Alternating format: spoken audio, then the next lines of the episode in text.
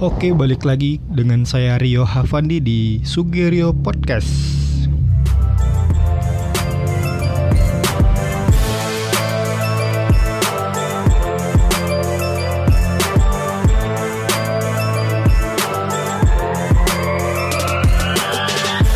Oke, Assalamualaikum warahmatullahi wabarakatuh. Eh, sebelumnya saya mau ngucapin terima kasih dulu buat teman-teman yang masih stay di sini, yang masih mau dengerin saya mengoceh di podcast ini.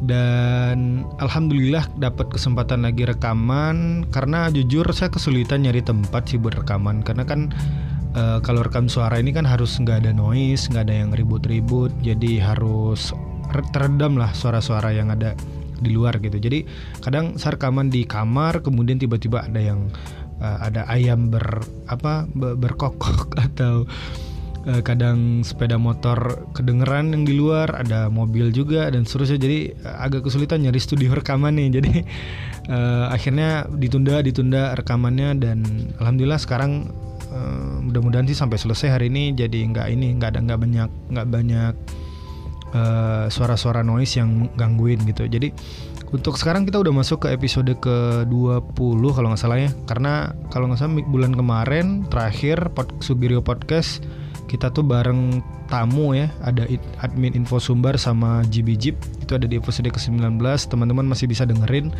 Dan podcast saya juga nggak mengikutin update atau tren terkini ya. Jadi teman-teman bisa dengerin kapan saja di episode 1 sampai sekarang pun kayaknya masih bisa didengerin. Jadi nggak ada nggak ada peristiwa yang apa yang saya bahas sesuai dengan kondisi. Jadi apa pun isu yang lagi hot hari ini saya nggak bahas di podcast itu. Jadi meskipun tahun depan didengerin jadi masih tetap relate kayak gitu kan. Nah di episode sekarang saya mau bahas ini sih eh, topik yang paling sering dialamin sama anak-anak muda terutama di usia 20 sampai 25. Saya juga nulis tentang ini di Instagram dan blog tulisan terbaru yaitu tentang quarter life crisis. Ada sih beberapa podcast anak muda lainnya yang bahas ini, cuman saya kerasanya nggak afdol juga kalau saya nggak bahas karena ya, saya tahu betul pendengar di podcast Sugiri Podcast ini juga kebanyakan anak-anak muda yang seusia 20 sampai 25, 27 ya sekitar itulah. Nah, jadi lagi-lagi eh, lagi eh, menghadapi fase quarter life crisis. Nanti saya jelasin lebih lanjut tentang quarter life crisis. Cuman eh, sebelum itu saya juga mengucapkan dulu terima kasih buat teman-teman yang udah ngasih feedback, ada yang ngirim eh, DM di Instagram, ada yang bikin Insta stories saya jadi seneng banget karena respon seperti ini jadi ngerasa wah ternyata ada ada ada eh, apa ada manfaat lah buat teman-teman yang dengerin kayak gitu. Ada faedahnya juga gitu. Nah kemudian juga ada yang ngasih saran. Terima kasih sekali lagi buat teman-teman yang ngasih saran masukan buat podcast Sugerio Uh, mudah-mudahan ke depan jadi lebih baik kayak gitu ya. Nah, oke kita langsung aja di topik kali ini kan kita mau bahas tentang quarter life crisis. Nah, ini sebenarnya eh, masih cukup apa ya jarang sih dibahas di anak-anak muda karena belum segitu trennya ya sebelum segitu boomingnya ya diksi quarter life crisis ini kayaknya gitu karena nggak tahu teori ini munculnya kapan cuman karena saya menemukan eh, thread di Twitter kemudian ada juga yang nulis di medium.com tentang quarter life crisis ini jadi saya mengira bahwa hal-hal seperti ini penting dibahas agar kita sama-sama bisa menjalani fase transisi ini. Oh ya, sebelum jelasin ya quarter life crisis itu apa. Jadi simpelnya quarter life crisis adalah fase transisi kita dari remaja menuju dewasa gitu. Jadi kita ketika kita sekarang masih berusia 20-an, kita kan menuju 30-an tuh. Nah, eh, fase itu disebut dengan quarter life crisis. Nah, kenapa harus ada fase ini, fase transisi ini ternyata di fase ini kita mulai mengemban sebuah tanggung jawab ketika kita sudah bertambah usia menjadi lebih dewasa kayak gitu. Jadi karena kita dulunya mungkin atau masih SMA kemudian udah masuk kampus dan kita mulai diberikan tanggung jawab yang lebih menjadi seorang eh, anak yang lebih tua kayak gitu atau atau usia yang lebih tua. Jadi ketika kita dulu mungkin di SMP, SMA kita masih ditanyain sama orang tua kalau pulang malam ataupun kalau kita keluyuran dan nggak ngabarin orang rumah kita lagi di mana dan seterusnya orang orang di rumah jadi insecure gitu atau khawatir kita lagi di mana misalkan. Nah, ketika kita udah menginjak usia 25 atau 24, 23 itu biasanya udah mulai jarang intensitas uh, pengendalian orang tua gitu karena orang tua kita ngerasa bahwa kita udah mulai dewasa kayak gitu. Nah, ternyata dampaknya adalah kita mulai uh, nggak apa mulai mendapatkan sebuah uh, tantangan baru di realitas kehidupan kita gitu.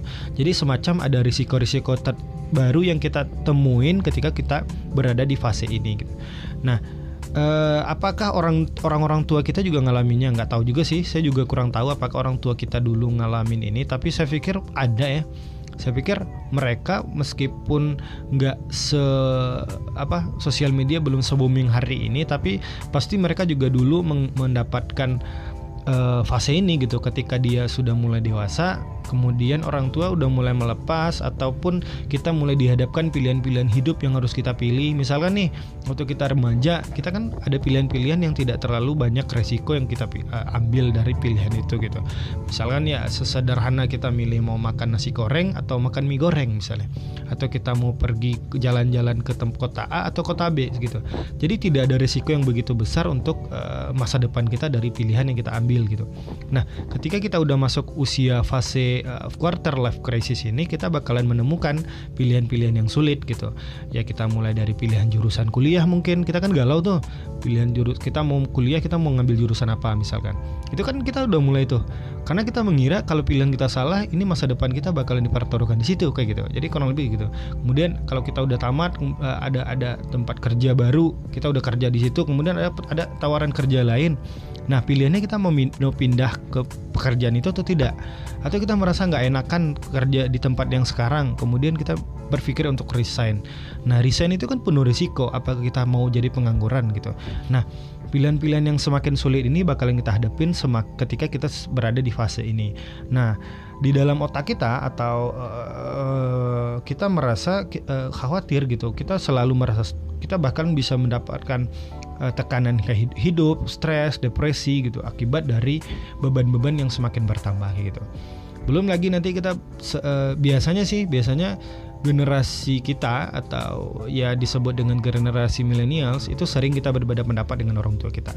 Nah, kita juga sering debat tuh, debat sama orang tua. Nah, fase-fase ini juga kita bakalan lalui. Nah, bagi bagi kalian yang mungkin hari ini masih per, masih ada perdebatan dengan orang tua, tentang pilihan jurusan kuliah, tentang pilihan kerja, pilihan mengikuti uh, minat minatnya atau passionnya misalkan itu hal yang biasa gitu. Jadi kalian nggak sendiri, semua orang, hampir semua orang menghadapin fase seperti itu gitu bahwa dia ketika dia berbeda pendapat sama orang tua ya berarti dia bakal harus saling menjelaskan kayak gitu. Nah, cuman Cuman bedanya adalah ketika hari ini quarter life crisis dihadapi oleh generasi millennials, ada sedikit tantangan yang lebih besar, lebih berat karena adanya sosial media gitu. Nah, kenapa sosial media ini menjadi tantangan? Karena di saat kita usia sekarang ini eh, kita bakalan dihadapkan dengan perbandingan-perbandingan gitu kita sering kali mungkin membanding-bandingkan diri kita dengan orang lain. Ketika teman-teman kita yang udah sukses, udah upload foto dia udah ke mana, udah keluar negeri, udah jalan-jalan ke sana, kemudian dia pokoknya udah kelihatan tuh kan pamer-pamer di media sosial tuh kan sering. Kemudian kita ketika kita melihat fenomena itu kita merasa iri misalkan atau kita merasa stres bahkan kita merasa insecure dan pada akhirnya kita pasrah, kita seolah-olah wah kita putus asa dan sampai ke titik kita kehilangan harapan. Bayangkan Nah ini ini sampai ke titik gitu. Jadi ketika kita dihadapkan dengan media sosial dan kita tidak bisa mencerdasi dalam penggunaannya, kita bakalan berada di titik itu gitu. Nah maka kemudian uh, ketika di fase ini uh, membuat kita uh, terus khawatir dengan masa depan kita, alias karena kita mendapatkan tanggung jawab baru dan padahal kalau kita nyadar bahwa ya kita nikmatin aja gitu. Jadi maksudnya ketika kita tidak sadar bahwa nih ada beban baru nih buat hidup kita kita nggak sadar.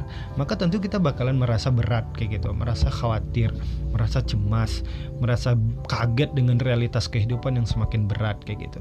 Ya sama aja lah kita ketika kita mungkin pergi merantau nih ketika kita pergi merantau kemudian di sebuah tempat yang kita belum pernah datengin itu kan di awal-awal kita harus adaptasi dulu. Kemudian orang tua juga nggak pernah nelpon kita misalkan nggak pernah ngabarin nggak pernah nanyain kabar kita. Itu kan kita mulai khawatir tuh.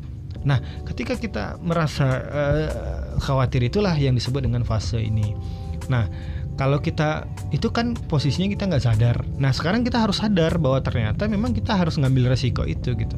Mau nggak mau, suka nggak suka, tanggung jawab itu bakalan tetap kita ambil kayak gitu. Dan itu kita juga bukan sendirian. Semua orang ngalamin hal yang sama kayak gitu.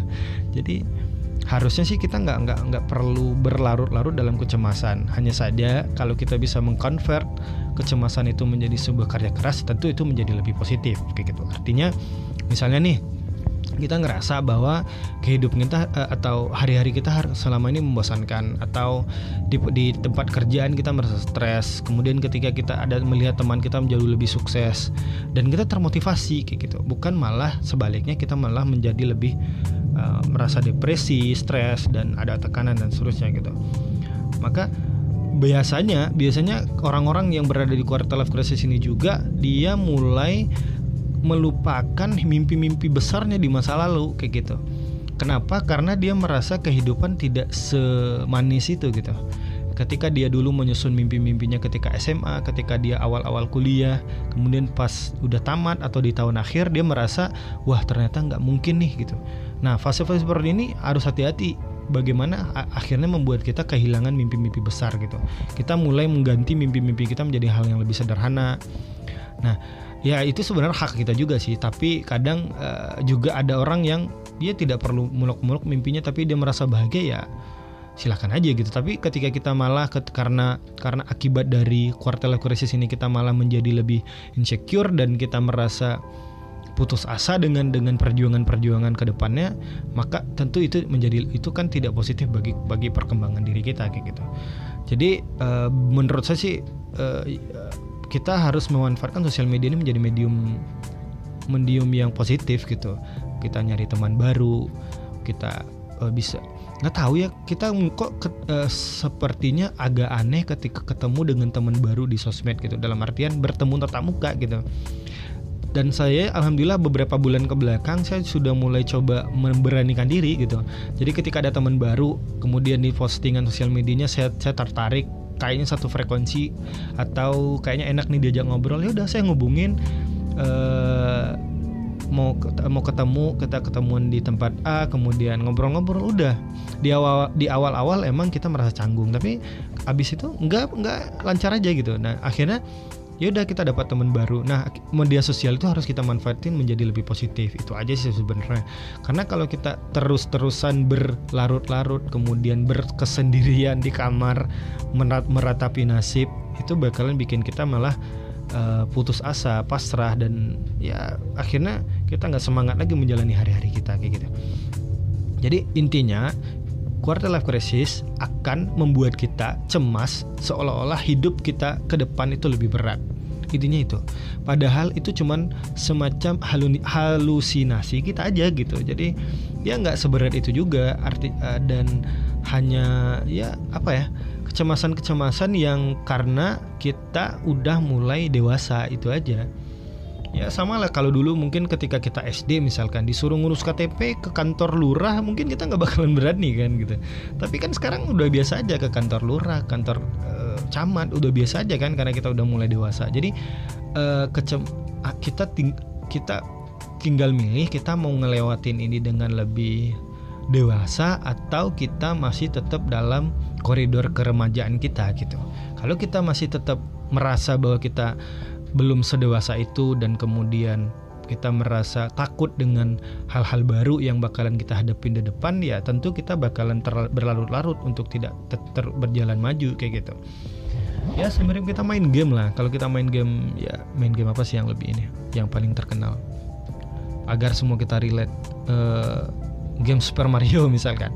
Nah game Super Mario itu kan di babak pertama, babak kedua, babak ketiga itu kan beda-beda tuh tantangannya. Semakin tinggi babaknya, semakin tinggi juga tantangannya gitu. Nah ketika kita menemukan tantangan di depannya, apakah kita mau mundur atau tetap maju? Gitu. Nah kemudian kan uh, pilihan yang baik adalah untuk kita terus maju. Ini bukan motivasi ya, tapi intinya sih saya ngerasa teman-teman di lingkaran saya juga menem, uh, saya temukan mereka kesulitan dalam menentukan sebuah pilihan kayak gitu. Ya sekarang ini lagi ini lagi lagi sedang sibuk-sibuknya pendaftaran tes CPNS.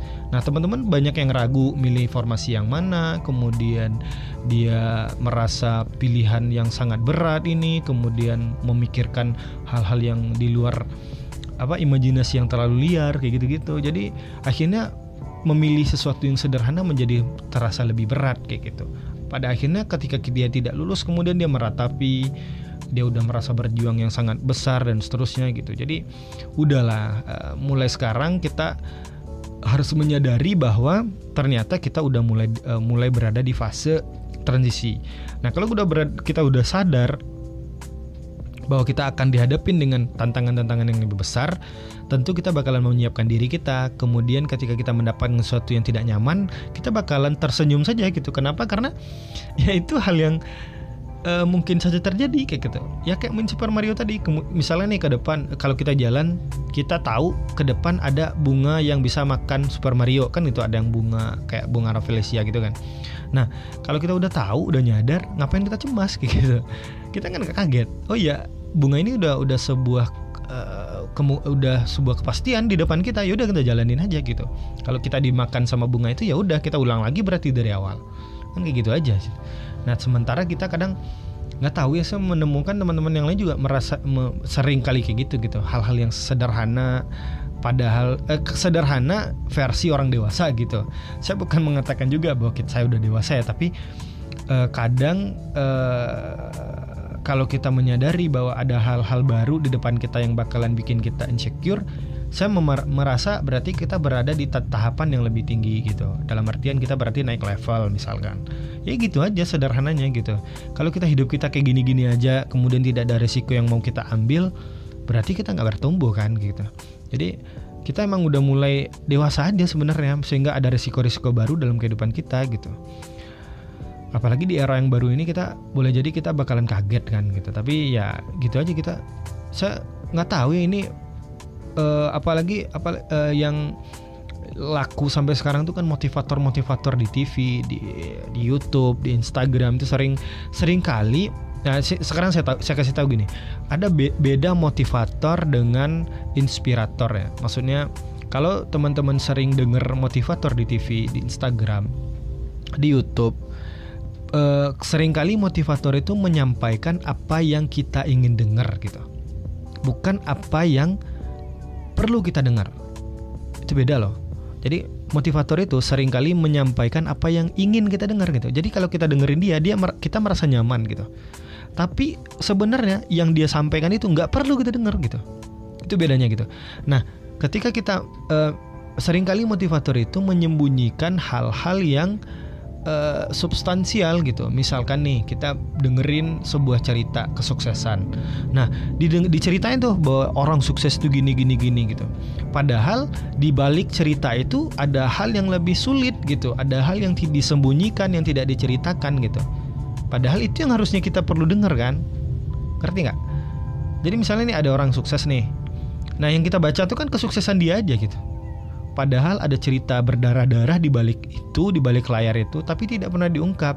Pada akhirnya kita di, di, dibikin menjadi orang yang manja, kita tidak siap dengan tantangan-tantangan yang berat kayak gitu. Jadi ya uh, akhirnya kita tidak siap menjalani sebuah apa mengejar sebuah cita-cita dengan kerja keras kayak gitu. Ya kita tetap bangun jam 9 pagi gimana gitu.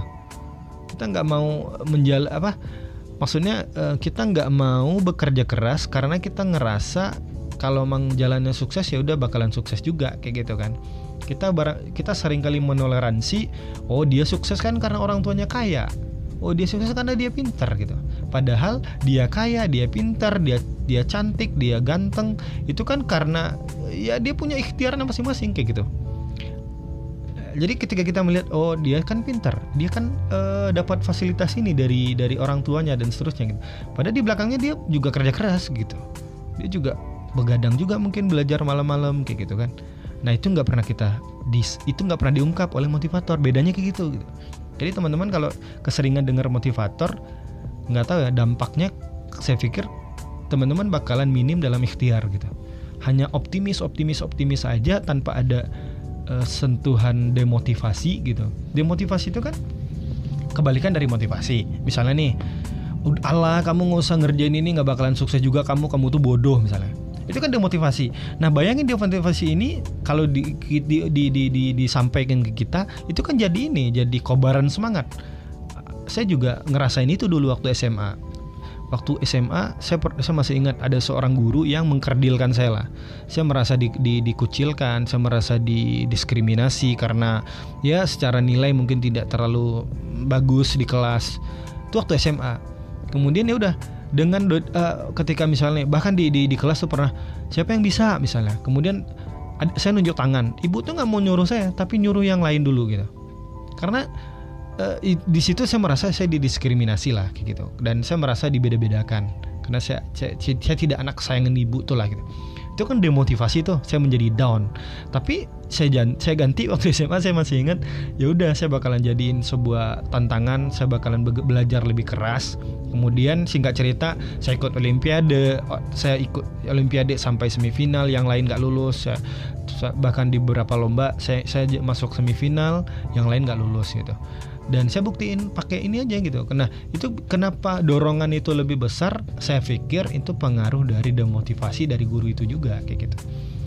Meskipun saya sekarang juga bukan berarti sudah sukses di berada di puncak enggak juga. Kita sama-sama bareng-bareng lagi jalan menuju tangga kesuksesan ke tangga kesuksesan yang lagi kita bangun kan kayak gitu. Jadi uh, intinya sih saya nyari teman juga gitu. Ketika saya hari ini sendiri juga merasakan fase quarter life crisis, saya juga galau, saya juga bingung, khawatir, takut tentang realitas kehidupan. Ya saya juga nyari teman. Mudah-mudahan ya kita satu satu lagi satu jalur nih yang kita lagi jalani ya udah. Yuk bareng-bareng kayak gitu kan. Nah dari semua ulasan tadi yang panjang itu dan ke mana-mana perginya random banget ya. Uh, ya yang penting sih yang pertama kita harus sabar aja sih menjalani sesuatu gitu. Dalam artian ketika ka uh, kalian mungkin hari ini di sebuah tempat kerja kemudian merasa bahwa pekerjaan yang sekarang di kantor ngerasa nggak nyaman percayalah bahwa di di mana pun kita bekerja sebenarnya ada kenyamanan yang bisa kita cari di situ kayak gitu. Tinggal kita mau nyari atau enggak kayak gitu kan. Nah ketika kita suka membanding-bandingkan kemudian dengan yang lain maka kita bakalan nggak sabar pengen segera resign dan seterusnya dan seterusnya gitu. Percaya aja gitu bahwa di di di tempat kita hari ini bakalan ada kenyamanan yang bisa kita temui gitu. Intinya eh, jadikan jadiin aja hari-hari kita di tempat kerja adalah hari-hari pencarian kenyamanan.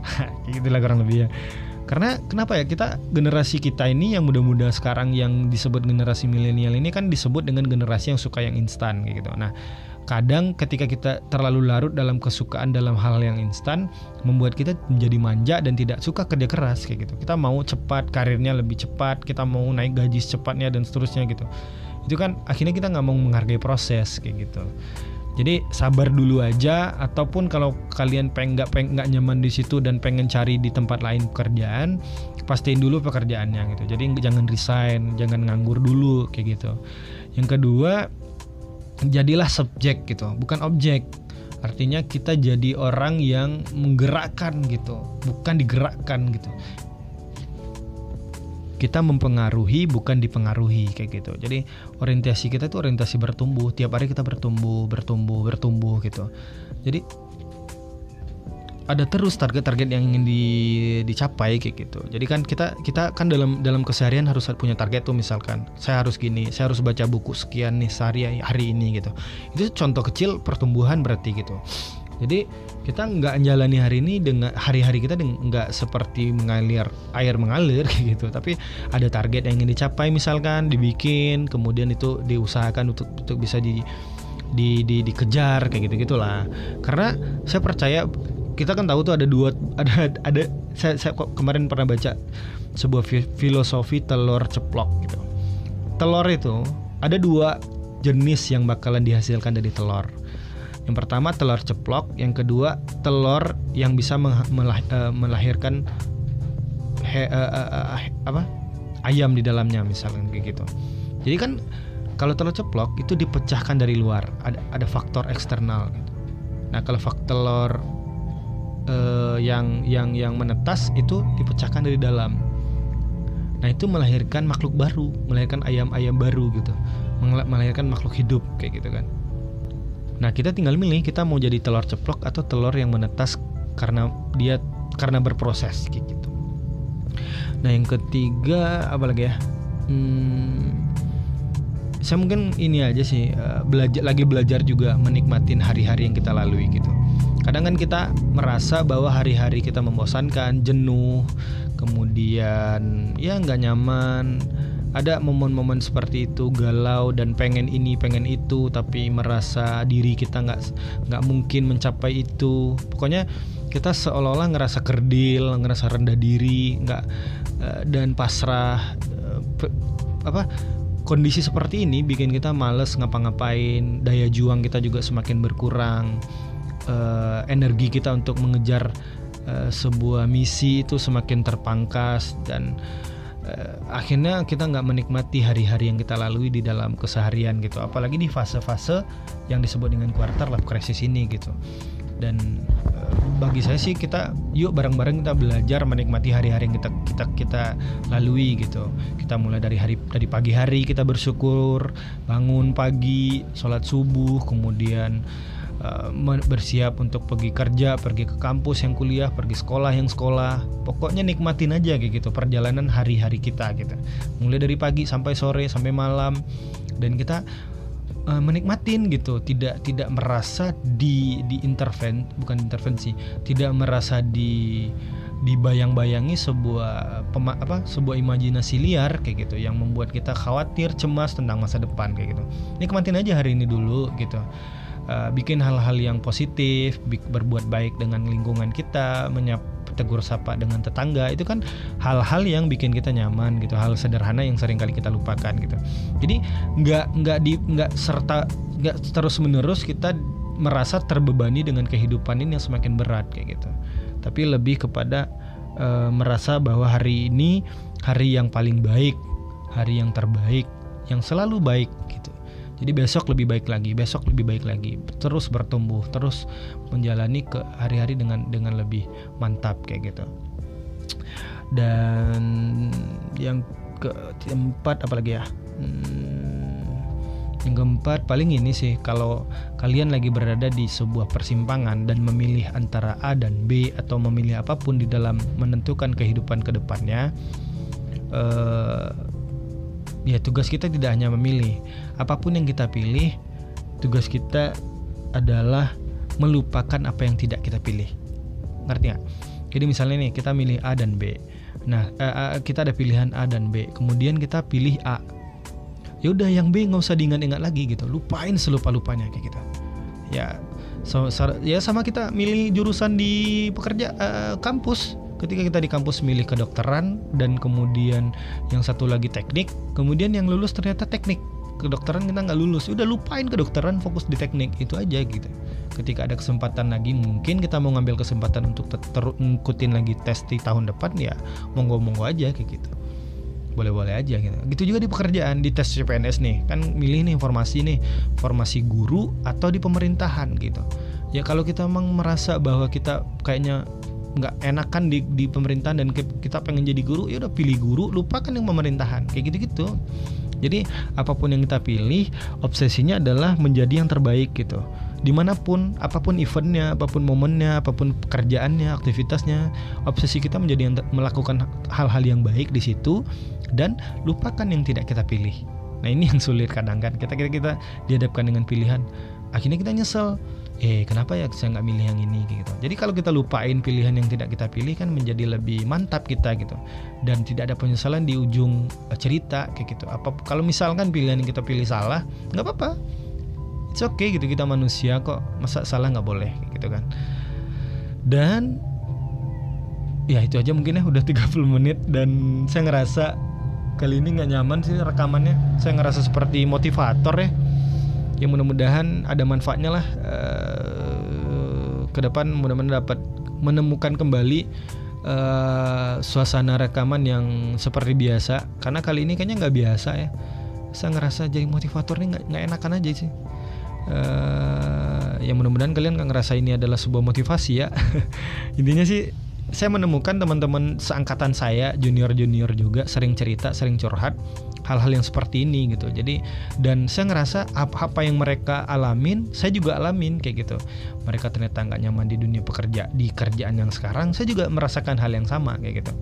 Bahkan kan di penelitian kalau nggak salah saya baca di artikel 70-80% millennials ini nggak enak atau nggak nyaman di pekerjaannya. Bayangin 80% masa kita nggak nyaman di tempat kerja gitu? Terus ngapain kita melalui hari-hari kita padahal jam jam kita seharian lebih banyak di kantor kan ketimbang di luar kantor gitu. Masa kita mau menjalani hari-hari dengan penuh ketidaknyamanan kayak gitu kan?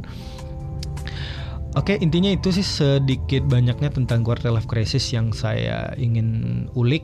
Mudah-mudahan ada faedahnya kalaupun kurang ya teman-teman bisa searching di Google di YouTube di podcast tuh masih banyak sih yang bahas tentang ini uh, dan mudah-mudahan kita bisa bareng-bareng sama-sama kita melewati fase ini dan menjadi orang yang lebih dewasa lebih ber, semakin hari semakin bertumbuh semakin berkembang semakin maju semakin bersemangat menjalani hari dengan menja menjadikan hari-hari kita menjadi hari yang hari yang lebih baik kayak gitu ya. Oke itu saja mungkin ya. Terima kasih sekali lagi buat teman-teman yang masih dengerin sampai di menit ini. Nggak nyangka masa ada sih yang dengerin sampai menit ini ada nggak ya? Nggak kayaknya. uh, kalau ada terima kasih saya ucapin dan uh, boleh DM saya di Instagram @riohavandi ataupun dibikin instastoriesnya itu jadi bensin buat saya untuk terus rekaman saya lagi terima kasih. Mohon maaf apabila taufiq. Assalamualaikum warahmatullahi wabarakatuh.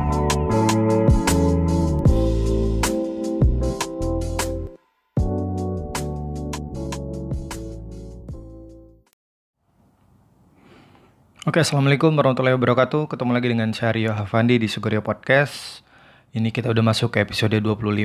Terima kasih buat teman-teman yang masih nungguin episode Sugerio yang selalu tidak konsisten kapan update-nya. Jadi ya mohon dimaklumi karena memang uh, belakangan juga sedang banyak aktivitas di kantor, sedang ada persiapan untuk uh, persiapan Ramadan. Jadi agak sedikit atau sebenarnya waktu luangnya ada tapi cuman nulis ininya sih nulis nulis apa sih yang mau di share kepada te ke teman-teman gitu karena kan kalau udah masuk ke episode 25 artinya saya udah 24 kali ngomong dan peluang mat apa peluang bahasan atau topik yang mau diulas bisa jadi berulang nanti gitu karena udah mulai banyak jumlah episodenya gitu kan.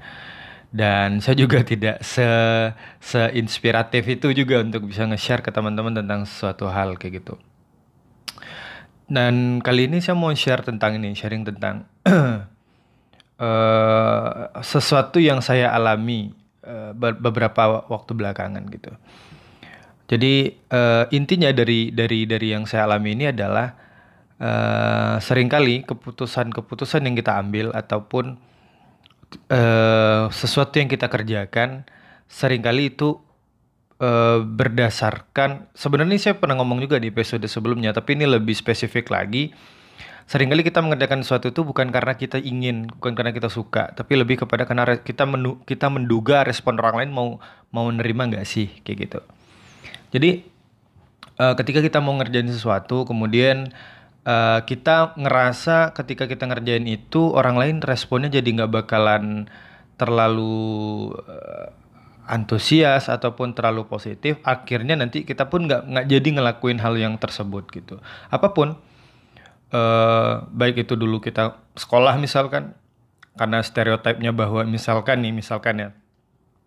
Ketika kita dulu nggak tahu zaman saya dulu memilih IPA itu lebih banyak daripada IPS sangat be hanya beberapa orang yang ya tidak sedikit tapi uh, lebih banyak yang mau masuk IPA dan uh, kenapa ini bisa terjadi karena memang masyarakat umum melihat IPA jauh lebih jauh lebih uh, fleksibel ketika nanti ketika uh, mengambil jurusan kuliah atau apa gitu.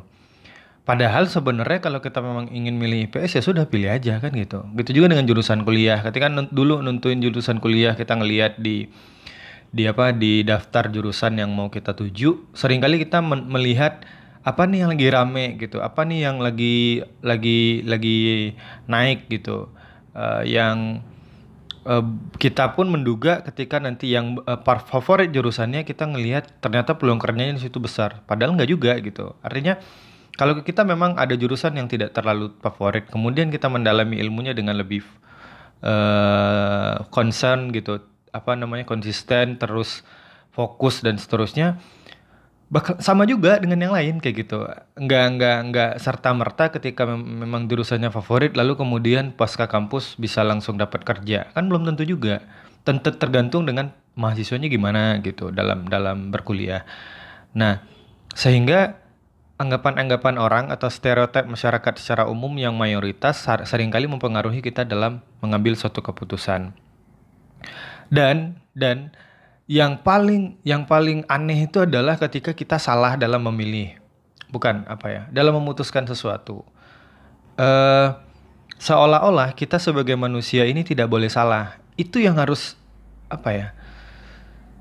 Ya, sesimpel misalkan nih, teman-teman misalnya punya adik baru nerima rapor nih, rapor rapor semester. Setelah dilihat ternyata nilainya banyak rendah Kemudian apa yang dilakukan? Saya pernah lihat di depan mata saya sendiri itu ada seorang ibu-ibu marahin anaknya karena anaknya nggak juara satu. Lihat, ini ini uh, kita mungkin pernah di posisi itu dalam artian seperti ibu itu meskipun mungkin kadarnya nggak se ekstrim itu kita nggak terlalu nggak harus memarahi anak di, di di di depan umum atau apa. Tapi ketika seorang anak anak SD, anak SMP misalnya nih adik adik teman-teman kemudian menyerahkan rapor, kemudian kelihatan ada nilai matematika IPA IPS-nya rendah misalkan. Seringkali respon kita tuh mirip ayo lebih rajin lagi belajar. Kayak gitu kan. Jadi saya pun di rumah kayak gitu orang tua orang tua juga gitu. Ketika ada adik yang yang kemudian dilihat rapornya nggak terlalu bagus karena ini jadi ada sindiran ya, makanya main terus kerjanya kemudian main handphone terus di rumah terus nggak belajar bla bla bla bla gitu padahal Iya karena kena uh, apa ya? Uh, anak itu juga nggak mau nilainya kayak gitu gitu. Dan kalau kita paksakan juga, dia jadi nggak nyaman, dia nggak jadi dia jadi nggak nyaman di sekolah, nggak suka belajar, gara-gara kita memaksakan, kan kayak gitu.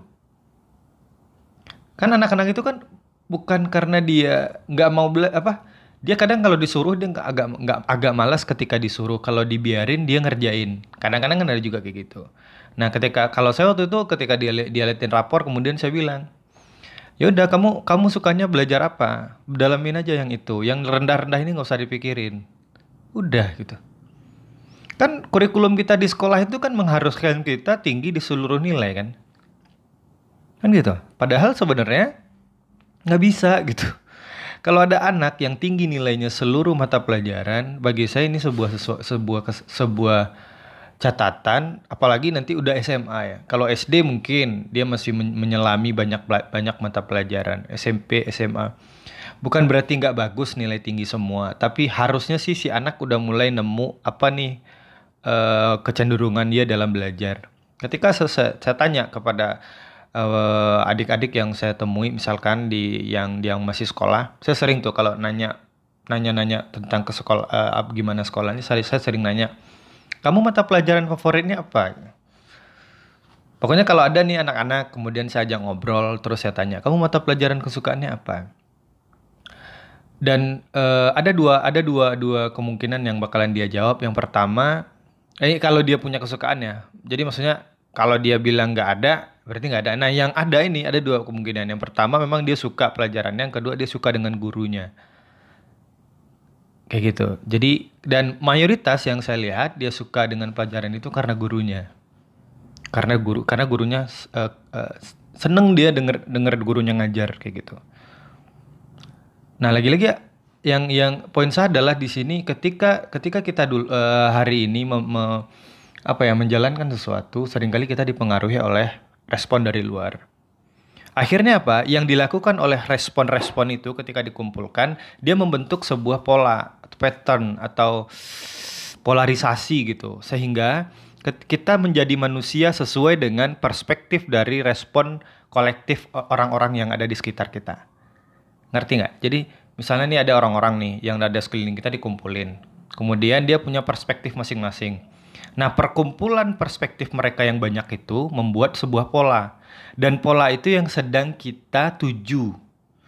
Yang saya yang yang teman-teman sekarang lakukan adalah menjalankan pola yang di camp yang di, di di apa ya, yang disampaikan oleh orang-orang di sekeliling kita secara kolektif. Bayangin, teman-teman kan mencari pertimbangan mengerjakan sesuatu tuh ngelihat dulu ini orang tua saya boleh nggak sih atau tetangga saya boleh nggak ngebolehin nggak sih bla bla bla gitu. Akhirnya ada hal-hal yang sebenarnya kita suka kita nggak jadi ambil. Gitu. Jadi ada pola yang dibentuk oleh masyarakat untuk kita sehingga membentuk diri kita pada akhirnya. Kayak gitu.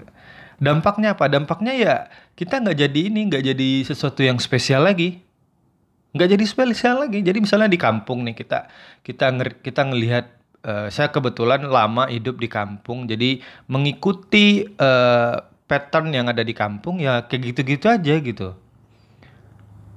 Kalau keluar dari kebiasaan jadi sesuatu yang salah yang jadi jadi sebuah masalah. Kayak gitu.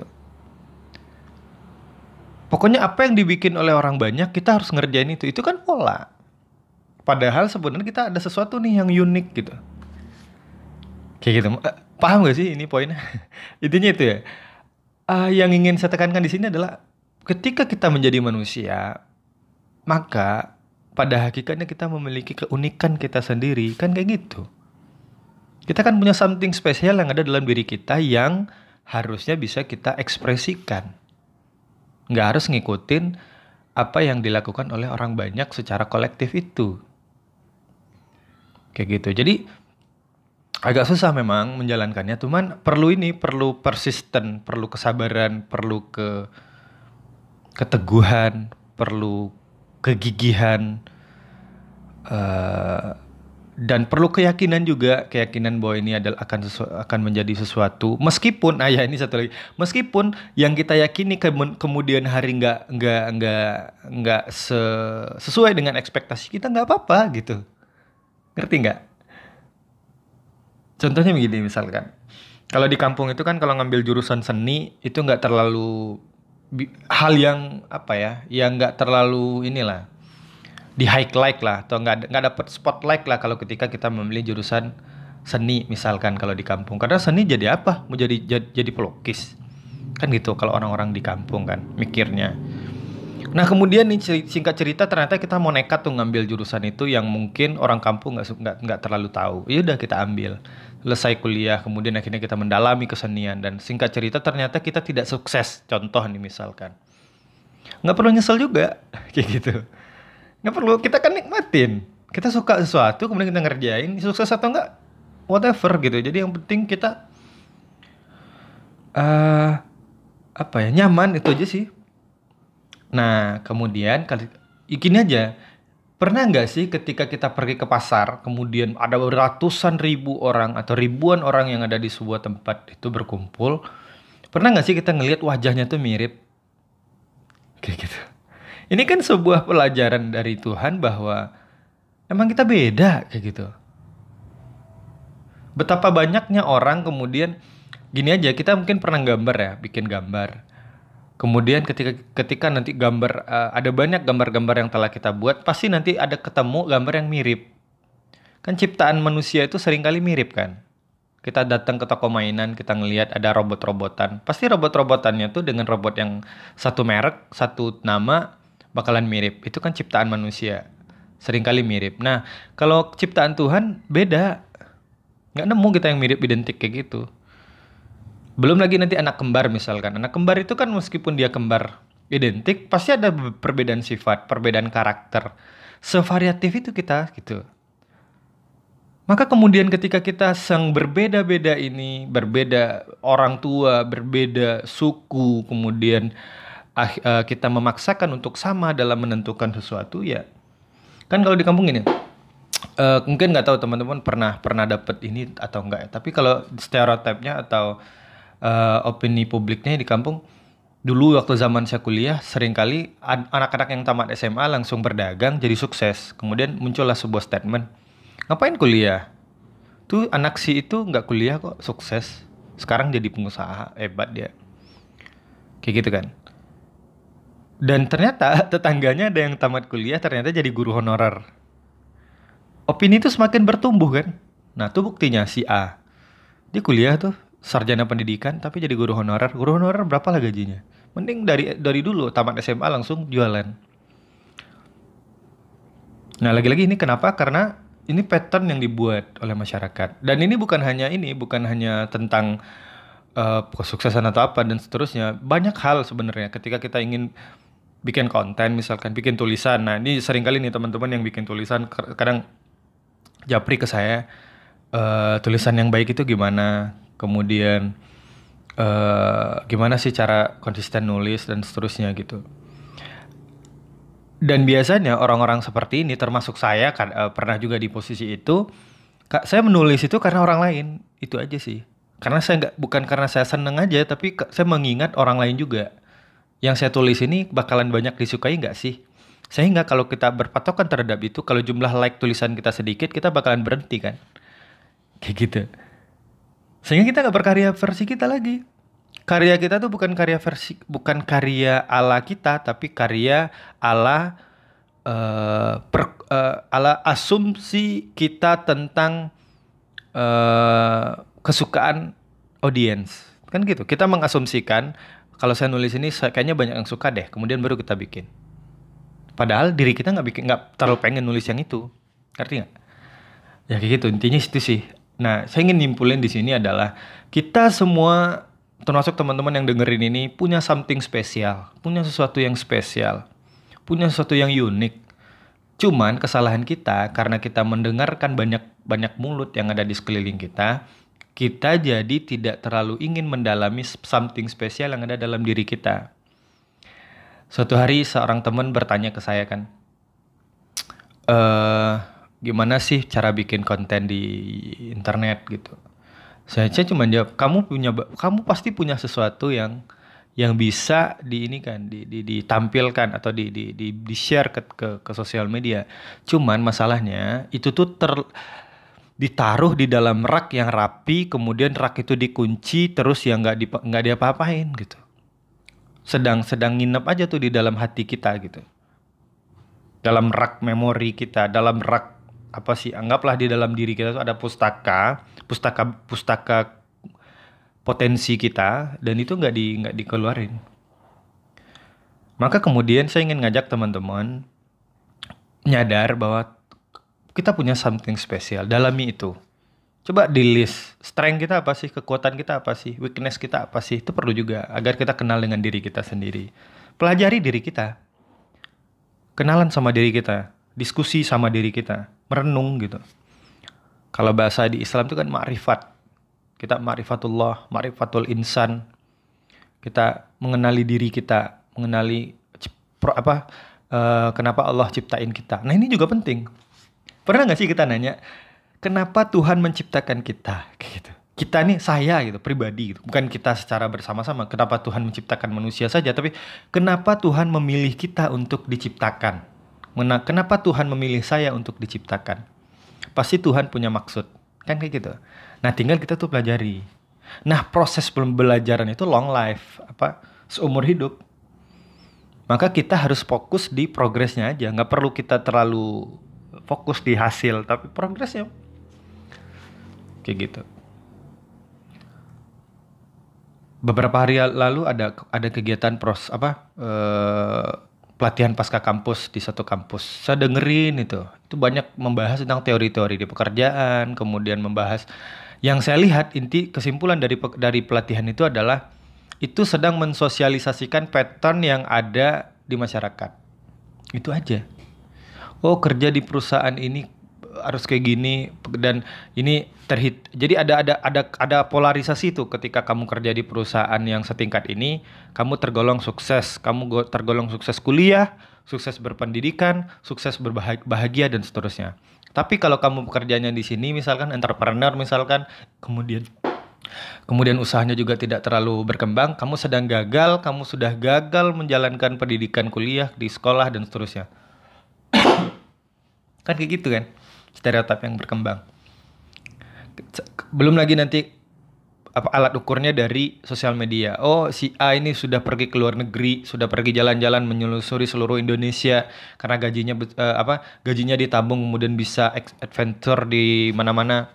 Bisa jalan-jalan selagi masih muda kayak gitu misalkan. Itu kan jadi jadi jadi salah satu uh, indikator kesuksesan. Kan kayak gitu. Indikator kebahagiaan. Padahal saya kemarin beberapa waktu lalu datang ke seorang bapak-bapak bapak haji ya. Dia kebetulan donatur di Inisiatif Zakat Indonesia tempat saya bekerja. Saya datang. Uh, sebenarnya itu kedua kalinya saya datang ke situ. Rumahnya di, di di sudut kota Padang, paling sudut sampai nggak ada jalan nggak ada jalan setelah rumah beliau. Kemudian di pinggirannya tuh ada sawah. Rumahnya sederhana, sederhana betul lah. Dan zakatnya di di tempat di kantor satu zakat termasuk kategori besar. Artinya eh, sangat sangat sangat kaya lah menjadi seorang yang sangat kaya dengan dengan kekayaannya. Toh dia nggak memilih uh, ini kok. Nggak memilih hidup di, di di apa? Di perumahan elit kemudian dia keluar negeri beberapa sekali dua bulan misalkan. Nggak nggak nggak nggak gitu juga. Dia bahagia kok hidup di di sebuah tempat yang kayak gitu. Kan gitu jadi uh, apa sih inti dari ini ya? Saya nggak saya nggak bisa nyimpulin intinya sih. teman teman-teman punya something spesial digali, dikenali, di makrifah atau di makrifat, kemudian di muhasabah, merenung gitu. Kemudian baru nemu yang disebut dengan passion kan. Passion. Nah, passion ini belum selesai. Ada sebuah teori baru namanya ikigai. Mungkin di episode selanjutnya saya bakalan bahas tentang ikigai. Saya, saya juga lagi belajar bagaimana mencari ikigai diri kita masing-masing. Mungkin teman-teman bisa googling dulu ikigai, I K I G A I. Ini ini teori yang dari Jepang tentang passion yang terupdate gitu. Karena dulu kan setelah bakat ada eh, misalnya eh, kemudian lahirlah namanya passion. Kemudian setelah passion ini ada, ada namanya ikigai.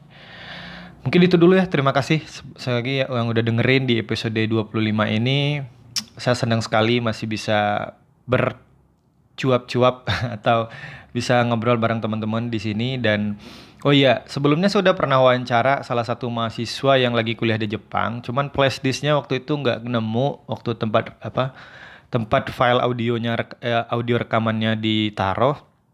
Nanti kalau ketemu bakalan saya upload lah di di Suguria Podcast. Saya pikir ini sebuah sudut pandang menarik ketika ada mahasiswa yang dari Jepang yang lagi liburan. Saya mendapat insight-insight baru dan terutama buat teman-teman yang masih kuliah ini sangat bagus kontennya.